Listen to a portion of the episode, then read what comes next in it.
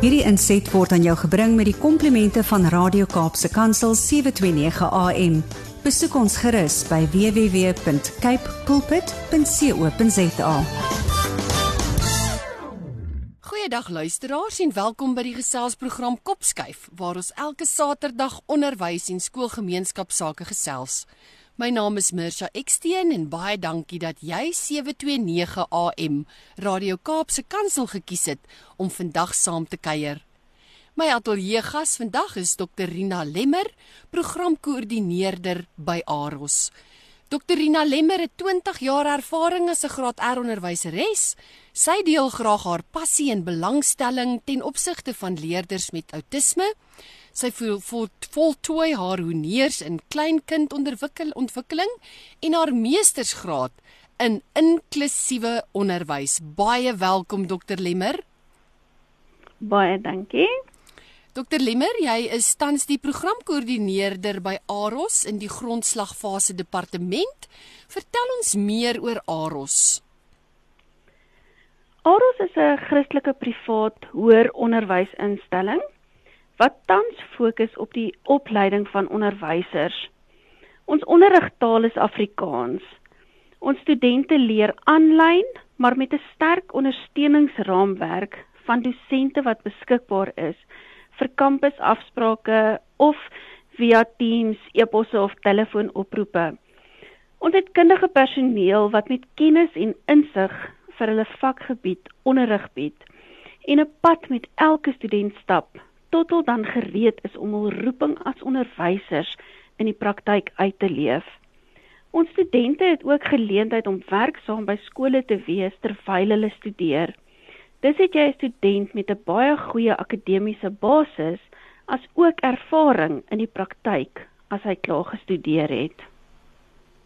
Dr Lemmer ek het die voorreg gehad om by die kampus bekendstelling te wees en dit was vir my so lekker om daar rond te loop. Dis so mooi. Dis regtig 'n heerlike kampus.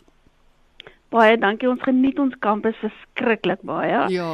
Ehm um, en ons kan nie wag dat die studente weer hier op kampus hulle voete kom sit en elke dag klas hê en so nie. Ek kan dit maar, goed glo. Ja. ja. Ehm um, Dr Lemmer, u is reeds vanaf 2015 by Aros ehm um, werksaam. So gee sommer gou vir ons so arendsvlug want ek dink daai to-do list is van hier tot in Kaïro en terug. So dalk maar net so ja. opsommend van wat u werk behels. Ehm um, ek het by Aros begin as 'n dosent in praktiese onderwys waar ek besig was met die studente wat by die skole is omdat hulle voltyds by skole is het ons hulle deur die hele semester gaan besoek vir hulle kritlesse en te, om te kyk hoe het hulle hulle prakties toegepas van dit wat hulle in die teorie geleer het.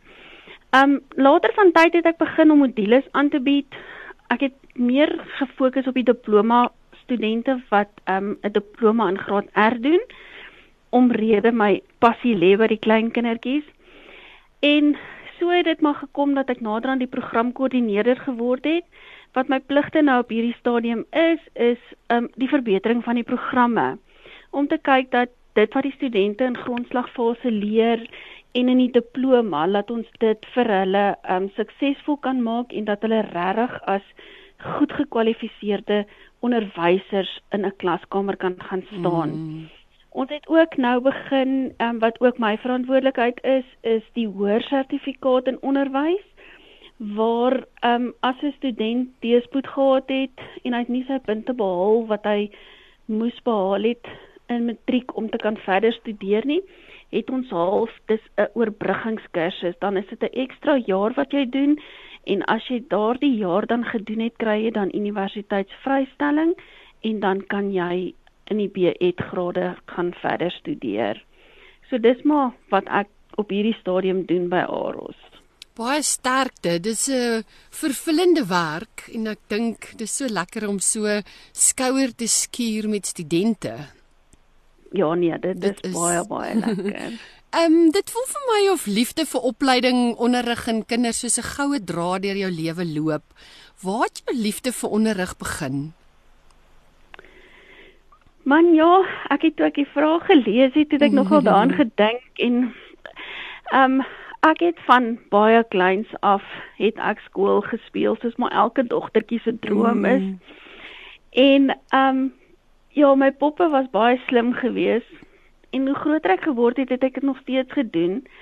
En my pa het vir my teen die ehm um, buitekamer se muur het hy vir my 'n swart bord vasgesit en dan het ek altyd daar skool ge, oh. gespeel. En daar was 'n groot advokaatpeerboom en ek kan onthou my broer het altyd uit vreeslik kwaad geword as ek so skool gespeel het. het hy altyd vir my gesê die advokaatpeerboom gaan nie vrugte dra nie want ek leer hom te slim. Oh. So ja, die advokaatpeerboom het vir 'n paar jaar nie vrugte gedra nie. maar ja, dis maar waar my passie begin het en ja, dit het maar net aangehou en ek het nog nooit weer opgehou met oh. onderwys en opleiding nie. Wel, die mooi van die storie is vandag dra jy die vrugte. Ja, ja. ek en ek deel die vrugte uit vir Dis ander. presies, ja. Ag, so jy was lank onderwyseres. Wat was vir jou spesiaal van hierdie hoofstuk in jou lewe? Weet jy wat vir my die lekkerste is as onderwyseres is die um satisfaksie wat 'n ou kry mm. as die kindertjies in jou klas 'n uitkoms bereik het. As hulle daai iets reg gekry het wat hulle gedoen het en hulle straal. Oh. Dit dit was vir my die lekkerste gewees. Mm. En die ander is um onderwys moenie vir jou 'n beroep wees nie. Jy moenie wil geld maak uit ja. onderwys uit nie. Onderwys moet vir jou 'n roeping wees. Jy moet daardie roeping kan gaan uitleef om hierdie kindertjies te dra en hulle um die regte opvoeding te gee is vir my meer belangrik um as enige iets anders. Mm. Dis dis regtig hierdie kindertjies as hulle iets bereik het en die manier waarop hulle uiting gee daaraan maak dit vir jou baie meer die moeite werd om oh. as 'n onderwyser in 'n klas te staan. Ek is nuuskierig oor die ehm um, kleinkindontwikkeling en die navorsing wat jy rondom dit gedoen het. Kan ons oor dit gesels asseblief? Um kleinkindontwikkeling is maar die fondasie hmm. waarop skool gebou word en vir my en vir ons hier by Aros is dit regtig belangrik dat daar moet gekyk word na die kleinkind. Um 'n kind word gebore met die vermoë, die begeerte en entoesiasme om te leer en te ontwikkel. Hmm. En as volwassenes hoef dit nie as 'n moeisame taak te beskou nie dat ons hulle moet verplig om te leer en ons hulle moet onderrig nie. Ons moet vir hulle omgewing skep waar hulle kan eksperimenteer en ontdek. Um die belangrikste is dat die kinders moet self iets kan doen. Hulle moet self kan ontwikkel. Mm. Die probleem vandag by die kleinkindontwikkeling is dat hulle word aktiwiteite gegee wat in werkboeke is. Mm. En dan het jy as volwassene die dinkwerk gedoen en die kind doen niks nie. Mm. Hy vul net daai werkkaart in en dit leer hom niks nie. Hy hy leer nie om self te dink en self ehm um, probleme op te los nie. Mm. Want jy het klaar vir hom die aktiwiteit gegee. En as hy dit verkeerd doen, dan ervaar die kind hierdie mislukking. Mm. En ehm um, dit breek sy selfvertroue. En dit doen meer skade aan die kind as wat hy op 'n speelse manier leer mm. en sukses ervaar, want hy ervaar nie dat hy leer nie, Correct. want hy dink hy speel. Mm. So daarom is kleinkindontwikkeling regtig kardinaal van belang dat 'n mens moet hierdie kindertjies help om vir hulle self hm. te ontdek en um te ervaar. Dit dit gaan nie oor hierdie perfekte prentjie of skepping wat die kind moet huis toe bring nie.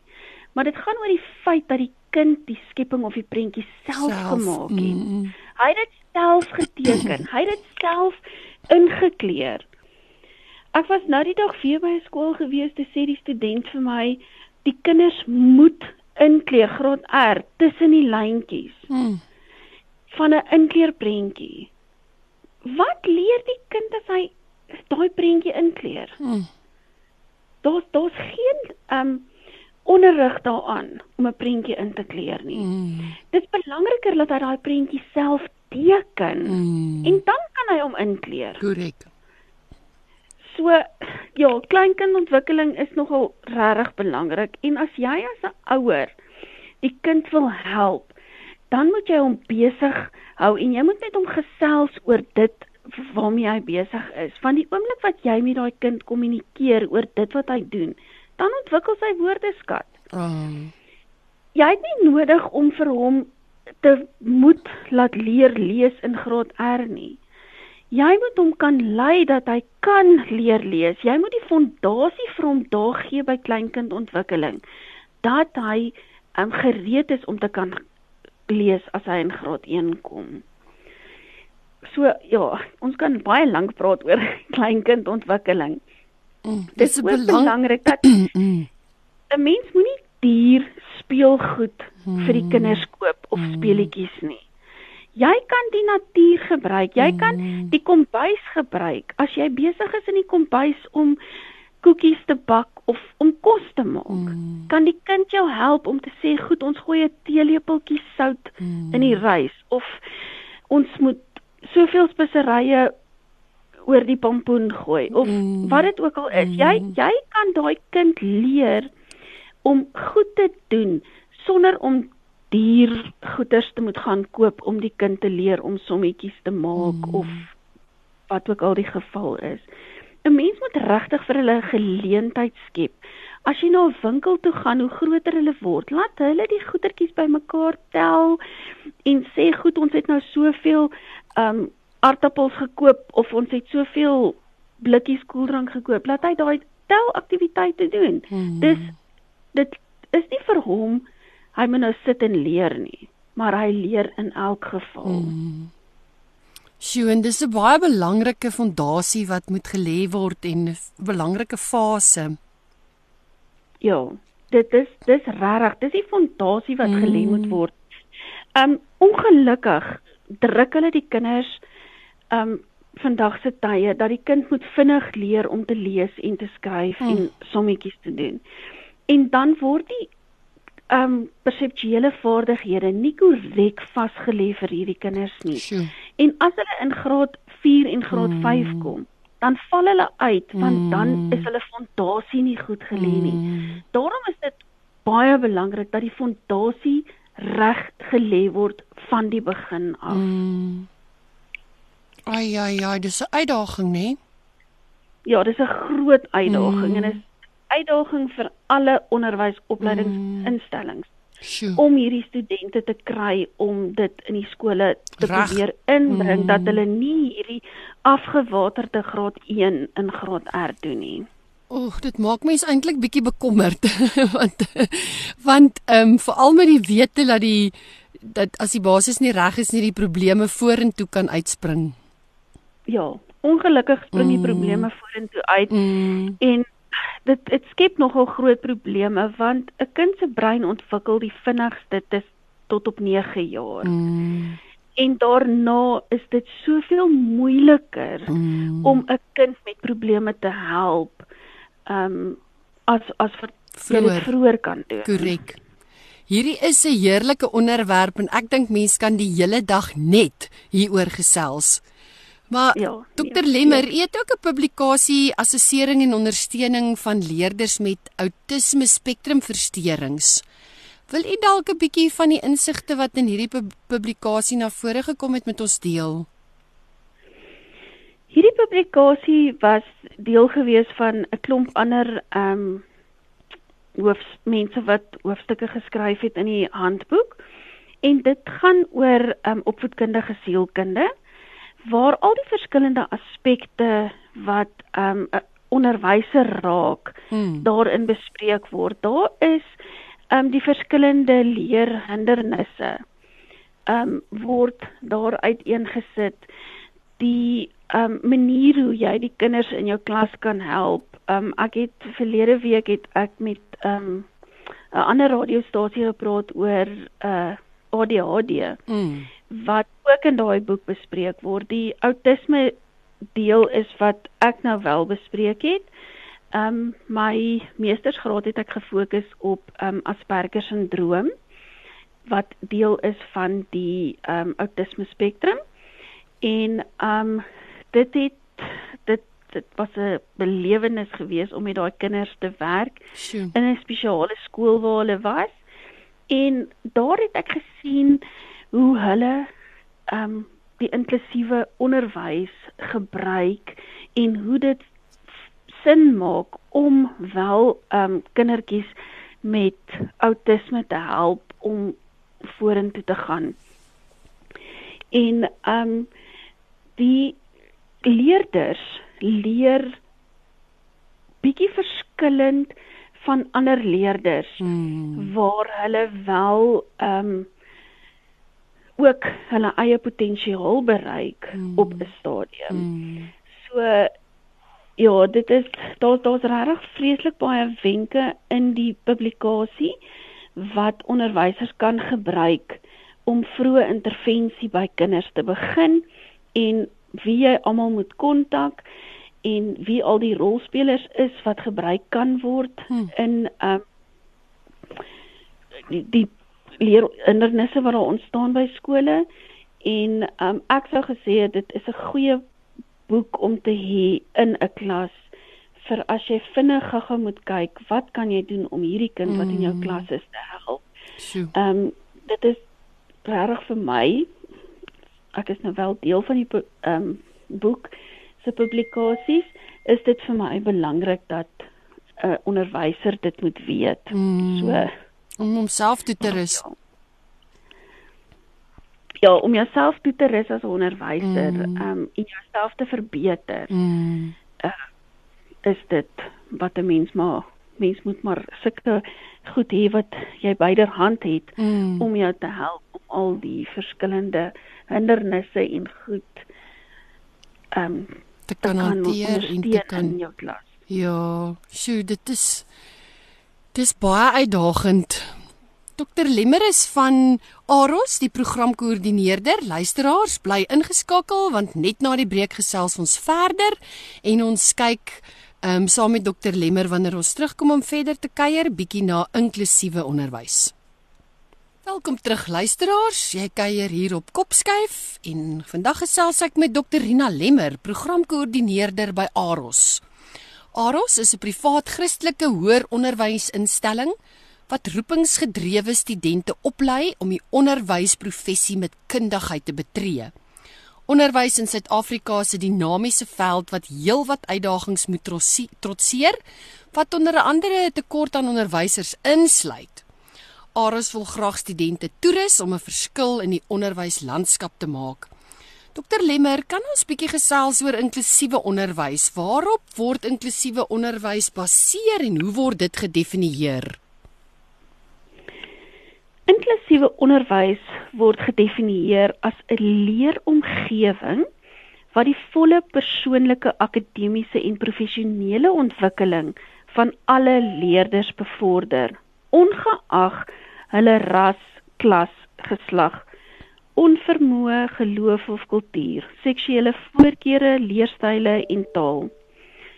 Inklusief het, um, het die betrekking op die herkenning van en die respek ten opsigte van die verskille tussen alle leerders. Dit gaan oor die ondersteuning van alle leerders. Um elke leerder is uniek en elke leerder leer op 'n unieke manier. Nie twee leerders leer Hmm. dieselfde nie. Um le leerders se leer en onderrigbehoeftes word by inklusiewe onderwys geakkommodeer. Die fokus val op die onderrig en leerfaktore met die klem op die ontwikkeling van goeie onderrigstrategieë wat tot voordeel van almal strek. Inklusief fokus dit op die oorbrugging van struikelblokke in die stelsel om sodoende alle leerders met spesifieke leerbehoeftes te bereik. Die fokus is gerig op die aanpasbaarheid en die beskikbaarheid van die ondersteuningssisteem in die klaskamer. Hmm. Um een van die belangrikste kenmerke van um inklusiewe onderwys is dat dit verstaan dat elke leerder se behoeftes, se vermoëns en se eienskappe hulle uniek maak, soos wat ons uniek geskape is deur God. Mm. Um as gevolg van hiervan moet die onderwyser die inhoud wat hulle onderrig kan verander en aanpas en um, gepersonaliseerde strategieë gebruik om elke student te help om sy volle potensiaal te bereik. Ehm um, dit bring my nou dan by 'n volgende vraag. Is daar kan daar onderskei word tussen hoofstroom onderwys en inklusiewe onderwys? Hoofstroom onderwys is ehm um, wat ons in leuke taal praat as 'n gewone onderwys, 'n gewone skool waar gewone ehm um, programme en goed gevolg word. Waar inklusiewe onderwys kan ook in 'n gewone skool ehm um, gebruik word. Want inklusiewe onderwys is die onderrigstrategie wat jy gebruik om die leerders te help, die manier waarop jy die kinders in jou klas help. Um, as 'n leerder 'n minimale leerhindernis het, kan 'n leerder gehelp word in 'n hoofstroomskool om nog steeds um, alles te bereik, al die uitkomste waaraan hy moet voldoen te bereik wat in die KMV is. Ehm um, waar 'n kind met 'n meer ernstige leerhindernis 'n ander vlak het van ehm um, ontwikkeling, is dit bietjie meer moeilik om hom in 'n hoofstroomskool um onderrig te gee. Maar as jy 'n goeie onderwyser het, mm. kan hierdie onderwyser nog steeds diferensieer in haar klas en van inklusiewe onderwys gebruik maak om so 'n leerder ook te kan akkommodeer. Mm. Dis byvoorbeeld as jy um mm. vir die kindertjies in graad R moet leer van wiskunde en jy het 'n kind in jou klas met um outisme of met Asperger sindroom en daardie kind se belangstelling is byvoorbeeld um vliegtye dan gebruik jy in jou wiskunde aanbieding wat jy doen um vliegtye om te sê kom ons stel hierdie drie vliegtygies by hierdie drie vliegtygies mm. en hoeveel vliegtygies het ons mm. So jy gebruik in inklusiewe onderwys die kind se belangstelling om dit wat hy moet doen, um, dan die uitkomste kan bereik. So ook met lees. As jy vir 'n kind 'n stuk gee om te lees wat vir hom interessant is en wat waaroor hy graag wil leer, gaan hy makliker daai gedeelte lees as wat jy vir hom iets gee waarin hy glad nie belangstel nie. En dit is wat half inklusiewe onderwys is. Jy moet die kind gebruik om hierdie uitkomste en goed um te help dat die kind dit kan bereik. So dis waar die verskil inkom. Mm, um mm. ek weet daar was 'n stadium gewees wat hulle gesê het hulle wil wegdoen met al die LSEN skole. Dis um spesiale skole vir kinders met leerprobleme. Mm. Um maar ek verstaan dat hulle het nou nog steeds weer nou onlangs soos in 'n maand of twee terug mm. het hulle weer in Gauteng 'n uh, Elsien skool oopgemaak. Wow. So ehm um, want dit is moeilik. Dit is moeilik in vandag se omstandighede mm. in 'n hoofstroomskool mm. waar jy 40 tot 50 kinders in jou klas mm. het om hierdie inklusiewe onderwys regtig te kan laat werk. Mm en by elke kind in jou klas te kan uitkom om hom sy volle potensiaal te laat bereik. Ons het vroeër in die program gesels oor kleinkind onder ontwikkeling en ons het kennis geneem van baie uitdagings. So dit bring my by die vraag, dink jy onderwysstudente het na afloop van hulle voorgraadse studies voldoende voorbereiding op die harde werklikheid van die praktyk? Ek kan so sê 'n student wat 'n voltydse student is by 'n sekulêre universiteit. Um weet ek nie of hy daar so goed voorberei gaan wees vir die realiteit in die werklikheid nie. want hy kom vir 'n paar dae by 'n skool mm. en ehm um, hy sien in daai 3 weke of in daai 6 weke wat gaan aan by 'n skool. En ek dink en as hy klaar gestudeer het en hy staan in sy eerste jaar as 'n onderwyser, kry hy 'n praktykskok mm. wat nog al 'n groot implikasie kan hê op sy toekoms in die onderwys. Mm. Waar ons studente by Aros bevoordeel word, dink ek, want hulle kan reeds van hulle eerste jaar af by 'n skool voltyds as 'n assistent werk.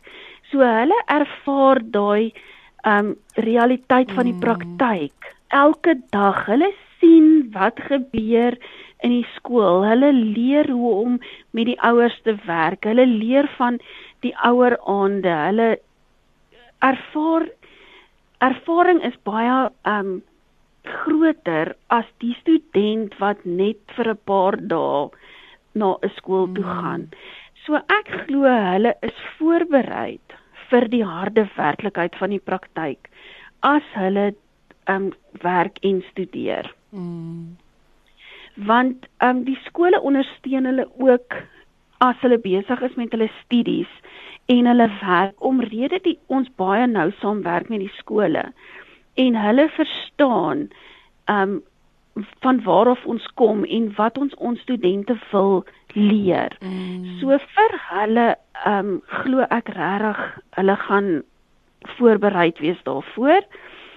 Ek glo wel ook daar kan wees dat jy in 'n ander situasie geplaas word by 'n ander skool en dan kan dit ook vir jou 'n praktyks skok wees. As jy mm. in jou 4 jaar by 'n skool gewerk het wat al die hulpbronne en ja. goed beskikbaar het vir jou om klas te gee en jy beland in 'n skool mm. om as onderwyser te gaan staan en um jy is by 'n skool wat nie hulpbronne het nie, jy's by 'n skool wat nie dieselfde um uitgangspunt het as die een waar jy jou 4 jaar prakties gedoen het nie, mm. dink ek kan dit ook dalk nog vir jou 'n uh, bomskok mm, wees. Mm, ek stem. Dokter Lemmer, jy het in jy het nou bietjie vir my aan dit geraak. So, hoe dink jy moet geleenthede geskep word vir onderwysstudente om klaskamer ervaring op te doen en om te leer hoe om spesifieke vaardighede aan te leer? Ek dink dit is belangrik dat ehm, 'n um, mens moet gaan kyk na alles wat 'n student moet leer mm. om in 'n in die praktyk te gaan staan. Um, ons praat van die rolle van 'n onderwyser. Hy moet al daai verskillende rolle leer mm. en dit gaan ervaar in 'n skool. En ek dink dit is regtig belangrik dat ehm, 'n um, mens moet gaan kyk. Daar is um, ons praat ook van soft skills wat jy ja. nie regtig kan leer in die teorie nie. Dis goed waar jy in die klas gaan moet kom en jy gaan daai empatie vir jou leerders mm. moet hê. Jy gaan moet leer hoe om met die kinders met respek met hulle te werk en daardie goed kan jy nie in boeke leer nie. Jy kan nie in 'n boek leer mm hoe jy 'n kind moet hanteer um met byvoorbeeld um ADHD nie. Ja. Jy kry wel hierdie teoretiese kennis van wat jy kan doen, maar dit werk ook nie by elke kind nie. So um ek dink om daardie vraag te beantwoord is moeilik om te sê jy moet 'n student voorberei vir daardie hele ehm um, vir vir die skool wat hy gaan skool hou. Want jy kan nie 'n student vir elke ding wat gebeur in die skool, vir elke verskillende unieke leerder voorberei nie. Um, dis wel belangrik dat jy die vaardighede vir so 'n persoon kan aanleer om um, in 'n klassituasie te gaan staan en die kennis en um, die vaardighede wat hy moet kan gaan oordra aan die kinders. Mm. Kan jy wel vir hom leer in sy ehm um, uh, studietydperk. Maar om te sê jy gaan 'n student voor te berei as hy in sy klas gaan staan eendag en ehm um, vir alles wat gaan gebeur in die klas is is bietjie onmoontlik. Ja.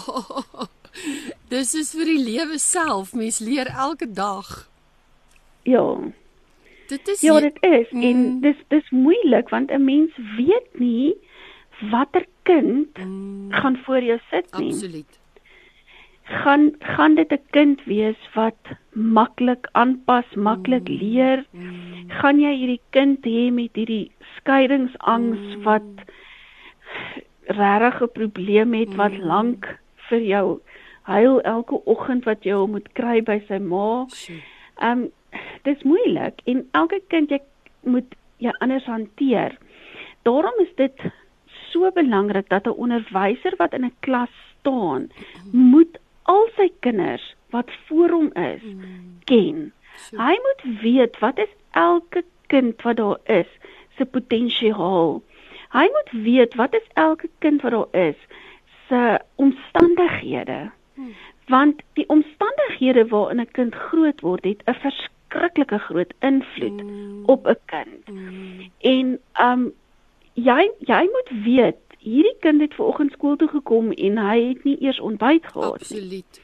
Of hy kry ontbyt by die skool, maar hy het nie gisteraand aandete gehad nie. So daar jy jy moet regtig hierdie kinders in jou klas ken. Hierdie kind wat inkom wat gisteraand nie geslaap het nie, daar was huismoeles Mm. of omstandighede waarin die kind is en hy kom in jou klas, jy moet as onderwyser moet jy kan sê, "Goed, ek weet Pietie het gisteraand niks geslaap nie. Mm, So ek gaan hom nou hier neer sit op 'n matrasie laat hy vir ten minste 'n halfuur slaap." mm, Want as 'n kind um fisies nie gereed is om te leer nie, gaan as hy mm, honger is, as Mm. hy moeg is, mm, gaan hy nie leer nie. En dis beter om daardie kind dan te help en te ondersteun op 'n manier sodat hy dan wel kan die res van die dag funksioneer. So ja, dis 'n uh, 'n onderwyser het 'n geweldige taak. Um en veral as jy 'n groot klas het, het jy n- nog groter taak Ja, om hierdie kinders almal te ken en te weet wat om te doen met hulle. Dokter Lemmer van my kant af wil ek voor ek vir jou die geleentheid gee om die laaste boodskap mee af te sluit, wil ek van my kant af sê, ehm um, mag julle wysheid ontvang en mag julle seën geniet op hierdie baie belangrike werk en die rolspeler wat julle is om onderwysstudente op te lei want ek dink die verantwoordelikheid is ongelooflik en gegeewe al die uitdagings wat bestaan is mens maar konstant besig om planne te maak om dinge te maak werk en ehm um, ja na die beste van jou vermoë. En soos jy sê ek dink baie keer wil wil mens voel of daar 'n magteloosheid intree as jy weet wat van jou verwag word. En hier sit hierdie klas 40 kindertjies en jy kom nie by almal uit nie en ja, so mag jy hulle seën ontvang, mag jy hulle wysheid ontvang en ek kan nie anders as om net dankie te sê nie. Dankie vir elke onderwyser wat met soveel toewyding en passie en liefde vir kinders 'n verskil maak elke dag. So ek gee graag Baie vir jou die geleentheid om net 'n slotgedagte dalk te rig, 'n spesiale boodskap van jou kant af. Ek sal net sê dit klink dalk bietjie negatief as 'n mens sê jy het al hierdie kinders in jou klas.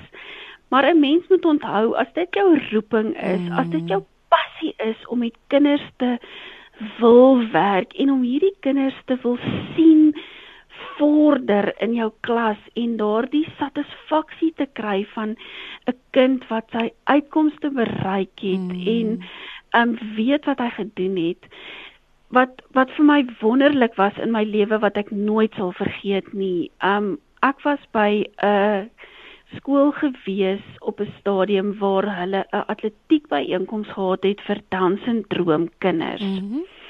En elke kind het die geleentheid gehad om teen sy maatjies te kan hardloop. Mm. En elke een het aan die einde by die wenstreep gekom en hy het geskitter al was hy laaste al het mm. iemand hom gegaan haal om saam met hom oor die wenstreep te kan hardloop het elke kind geblom en dit is so 'n bevrediging wat 'n mens ervaar van hierdie kinders en as 'n mens dit sien net is jy weer soveel meer positief en wil jy soveel meer doen om hierdie kindertjies almal van hulle um regtig na die beste van jou vermoë mm. op te voed en vir die Here dankie te kan sê vir elke kind wat hy uniek gegee het vir ons mm. om te kan grootmaak en te kan opvoed. Van Aros se kant af wil ek net sê as dit jou passie is om 'n onderwyser te word, moet jy aansoek doen. Die aansoeke is oop vir 2024. By Aros, ehm um, leef jy jou roeping uit. Jy studeer onderwys op 'n Christelike reformatoriese grondslag en dit is net 'n fees om 'n Ari te wees. baie baie dankie. Ja, oh, dankie dokter Lemmer. Dit was 'n heerlike gesprek en baie dankie vir die insigte wat u met ons gedeel het. Dankie vir die verskil wat u maak. Dankie vir die ruimte wat u skep vir mense om hulle passie uit te leef en vir die ontwikkeling wat plaasvind. So van my kant af, alles wat mooi is en ek wil dan luisteraars uitnooi as jy belangstel om meer te lees oor Aros, besoek gerus hulle webwerf by aros.ac.za. So dis A R O S aros.ac.za. Voorspoed en seën Dr Lemmer, alles wat mooi is. Baie dankie. Baie dankie vir vandag se saamkuier. Dankie luisteraars dat jy deel is van die Kopskyf familie. Onthou dat hierdie episode van Kopskyf en elke vorige episode weer geluister kan word op Potgooi. Besoek www.kpulpit, klik op Potgooi en dan op Kopskyf. Skakel elke Saterdag om 4 tot 5 by 729 AM Radio Kaapse Kansel in waar ons onderwys sake gesels want ons by die ATKV glo dat onderwys almal se verantwoordelikheid is. Ek groet tot volgende week. Hierdie inset was aan jou gebring met die komplimente van Radio Kaapse Kansel 729 AM. Besoek ons gerus by www.cape pulpit.co.za.